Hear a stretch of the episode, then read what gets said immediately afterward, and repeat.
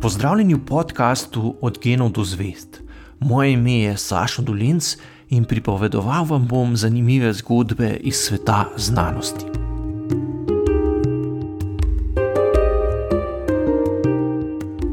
Desetega avgusta leta 1632 se je na sedežu jezuitskega reda v Rimu sestalo pet mož, oblečenih v črne meniške halje, ki so imeli pred seboj pomembno nalogo.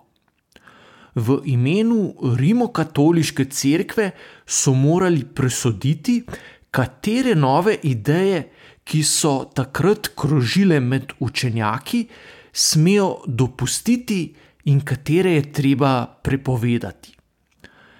Na seji so obravnavali vprašanje, ali lahko matematiki o črti razmišljajo, kot da je sestavljena iz neskončnega števila neskončno majhnih delov. Na prvi pogled je šlo za povsem tehnično vprašanje, ki se tiče le peščice strokovnjakov. Težko si namreč predstavljamo, da bi bile lahko zapletene matematične ideje družbeno subverzivne in bi ogrožale avtoriteto cerkve. Vendar se je komisija revizorjev vseeno odločila, da obravnavo, uporabo in poučevanje teh matematičnih idej prepove. Manj kot stoletje kasneje so infinitizimalne količine postale temelj više matematike in osnovno orodje vseh inženirskih poklicev. V obliki infinitizimalnega računa, ki ga vsi poznamo, predvsem po odvodih, integralih in diferencialnih enačbah, so postale tudi del splošne izobrazbe, zato danes težko razumemo, da so se zdele jezuitom tako nevarne. Matematični pojem infinitezimalne količine, ki označuje umestno stanje med nič in nekaj, je v začetku novega veka med učenjaki povzročil razburjenje. Pojma namreč niso znali preprosto obravnavati v okviru jasnega in urejenega logičnega sistema, hkrati pa je bila nova ideja pri reševanju nekaterih računskih problemov zelo uporabna. Tako so bili učenjaki pred dilemo. Naj infinitizimale vseeno uporabljajo, čeprav vodijo tudi do protislovi in nejasnosti, ali je treba njihovo uporabo prepovedati, dokler ne bodo dovolj jasno formulirani. Tisti, ki so prisegali na red, hierarhijo in jasno misel, ki preprečuje, da bi družba zdrsnila v kaos, so uporabi infinitizimalov nasprotovali liberalnejši posamezniki, ki so prisegali na pluralizem mnen in možnost iskanja drugačnih, boljših družbenih odnosov, pa so infinitizimale sprejemali. Nekateri zgodovinari znanosti zagovarjajo celo na prvi pogled nenavadno trditev, da se je v matematični bitki za pravico do uporabe infinitizimalov na nek način odločalo tudi o usodi modernega sveta.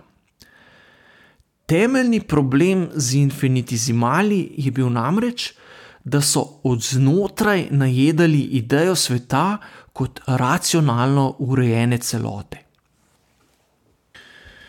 Med Tridentinskim koncilom so sredi 16. stoletja ustanovili komisijo, ki naj bi uredila takratni koledar, ki se ni spremenil že od časov Julija Cezarja in ni bil več v skladu z letnimi časi. Pri delu te komisije je bil zelo aktiven jezuit in matematik Christopher Clavius, ki je napisal obsežno pojasnilo oziroma strokovno utemeljitev reforme. Posodobitev koledarja je bila pomemben uspeh za jezuite in rimokatoliško crkvo. Ključna ideja je bila, da na primeru popravka koledarja pokažejo, da je Rim še zmeraj gospodar, po dekretih katerega se morajo, hočeš nočeš, ravnati tudi drugi. Reforma koledarja je bila dejansko potrebna in predlog komisije je bil dober, zato so bili mnogi protestantski vladari v resni dilemi. Naj prevzamejo nov koledar, ki je dejansko boljši in odpravlja pomankljivosti starega, in s tem posredno izrečejo potrditev avtoritete Rimu ali se spremembi uprejo in še vedno ustrajajo s slabim koledarjem. Če bi lahko uspeh s koledarjem prenesli tudi na druga področja družbenih sporov, bi rimokatoliški cerkvi uspelo ohraniti pozicijo avtoritete. Klavius je bil prepričan, da je našel to vrstni univerzalni ključ in pot do končne zmage nad kritiki cerkve. Za njim je bila to matematika. Teološki in filozofski spori so trajali v nedogled, pri matematiki pa so se glede logičnih izpeljav vsi strinjali. Dokaz je bil veljaven ali ne, tretje možnosti niso poznali, zato bi bila lahko matematika dobra osnova za dosego enotnosti misli. Nihče ni mogel, da nimo nasprotovati Pitagorovem izreku ali novemu koledarju, ki je temeljil na natančnih matematično-astronomskih izračunih. A ko je Klavius govoril o matematiki, je imel v mislih nekaj specifičnega. To je bila geometrija, kot jo je predstavil Euklid v svojih elementih, ki so najvplivnejša matematična knjiga v vsej zgodovini. Nastali so približno 300 let pred našim štetjem in predstavljajo sistematičen opis takratnega matematičnega znanja.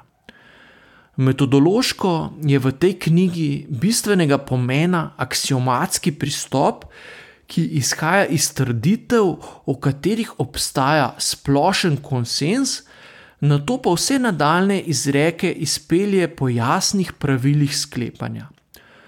Dvomov o resničnosti posamezne trditve tako ni. Podobno kot je Euklid celotno geometrijo spravil v jasen in pregleden sistem, o resničnosti katerega ni nihče dvomil, so poskušali jezuiti na enak način spraviti v red tudi idejno in družbeno zmedo Evrope 16. in 17. stoletja. Ker naj bi Bog uporabil geometrijo pri stvarjenju sveta, so večna in nespremenljiva matematična pravila upisana v samo naravo in posredno tudi v družbo. Klavius je to svoje videnje matematike opisal v eseju, ki je bil priložen izdaji Euklidovih elementov leta 1574. V njem je postavil matematiko nad vse druge znanosti, saj lahko le ona odstrani iz svojih trditev vsakršen dvom. Izbor matematike je temeljil na prepričanju, da matematika pokaže, kako priti do nedvoumnih, absolutnih resnic. Zdaj nam je verjetno tudi bolj jasno, zakaj jezuiti niso mogli dopustiti uporabe infinitizimalov, čeprav so se ti v praksi izkazali za koristne.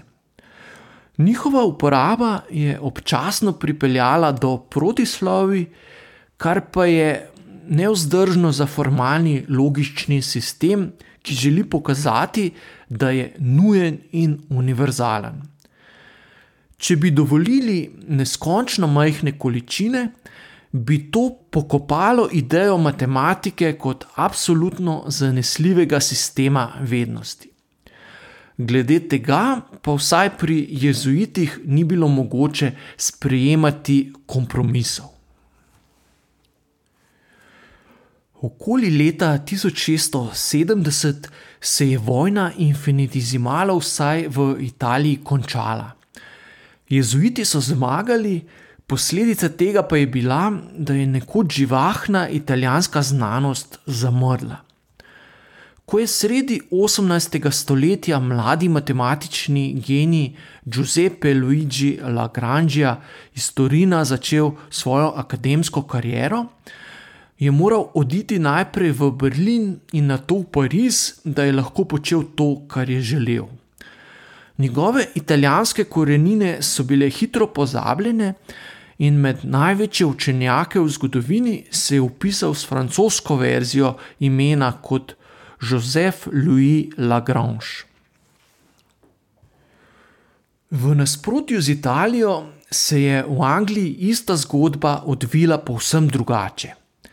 Na strani privržencev klasične matematike namreč ni bilo tako močne družbene inštitucije, kot so bili jezuiti v Rimu. Eden najbolj zagnanih nasprotnikov uporabe infinitizimalnih količin je bil Thomas Hobbes, ki ga danes poznamo predvsem kot političnega filozofa, a je bil tudi unet matematik. Tudi njega je, tako kot jezuite, močno zanimalo, kako bi prišel do univerzalnega konsenza v družbi. Razmišljal je, kako bi bilo mogoče geometrijsko metodo upeljati tudi v filozofijo in izpeljati trdne zaključke o tem, kako je najbolje urediti družbo in kako vladati, da ne zavlada kaos. Vendar njegove matematične ideje večine učenjakov niso prepričale. Anglija je sprejela infinitizimale in postala znanstvena velesila, v kateri je že kmalo zatem Isaac Newton postavil trdne temelje tako matematičnim zakonom fizike, kot teoriji infinitizimalnega računa. To je bil podcast Od genov do zvest. Moje ime je Saša Dolence in z novo zgodbo se vam oglasim že k malu.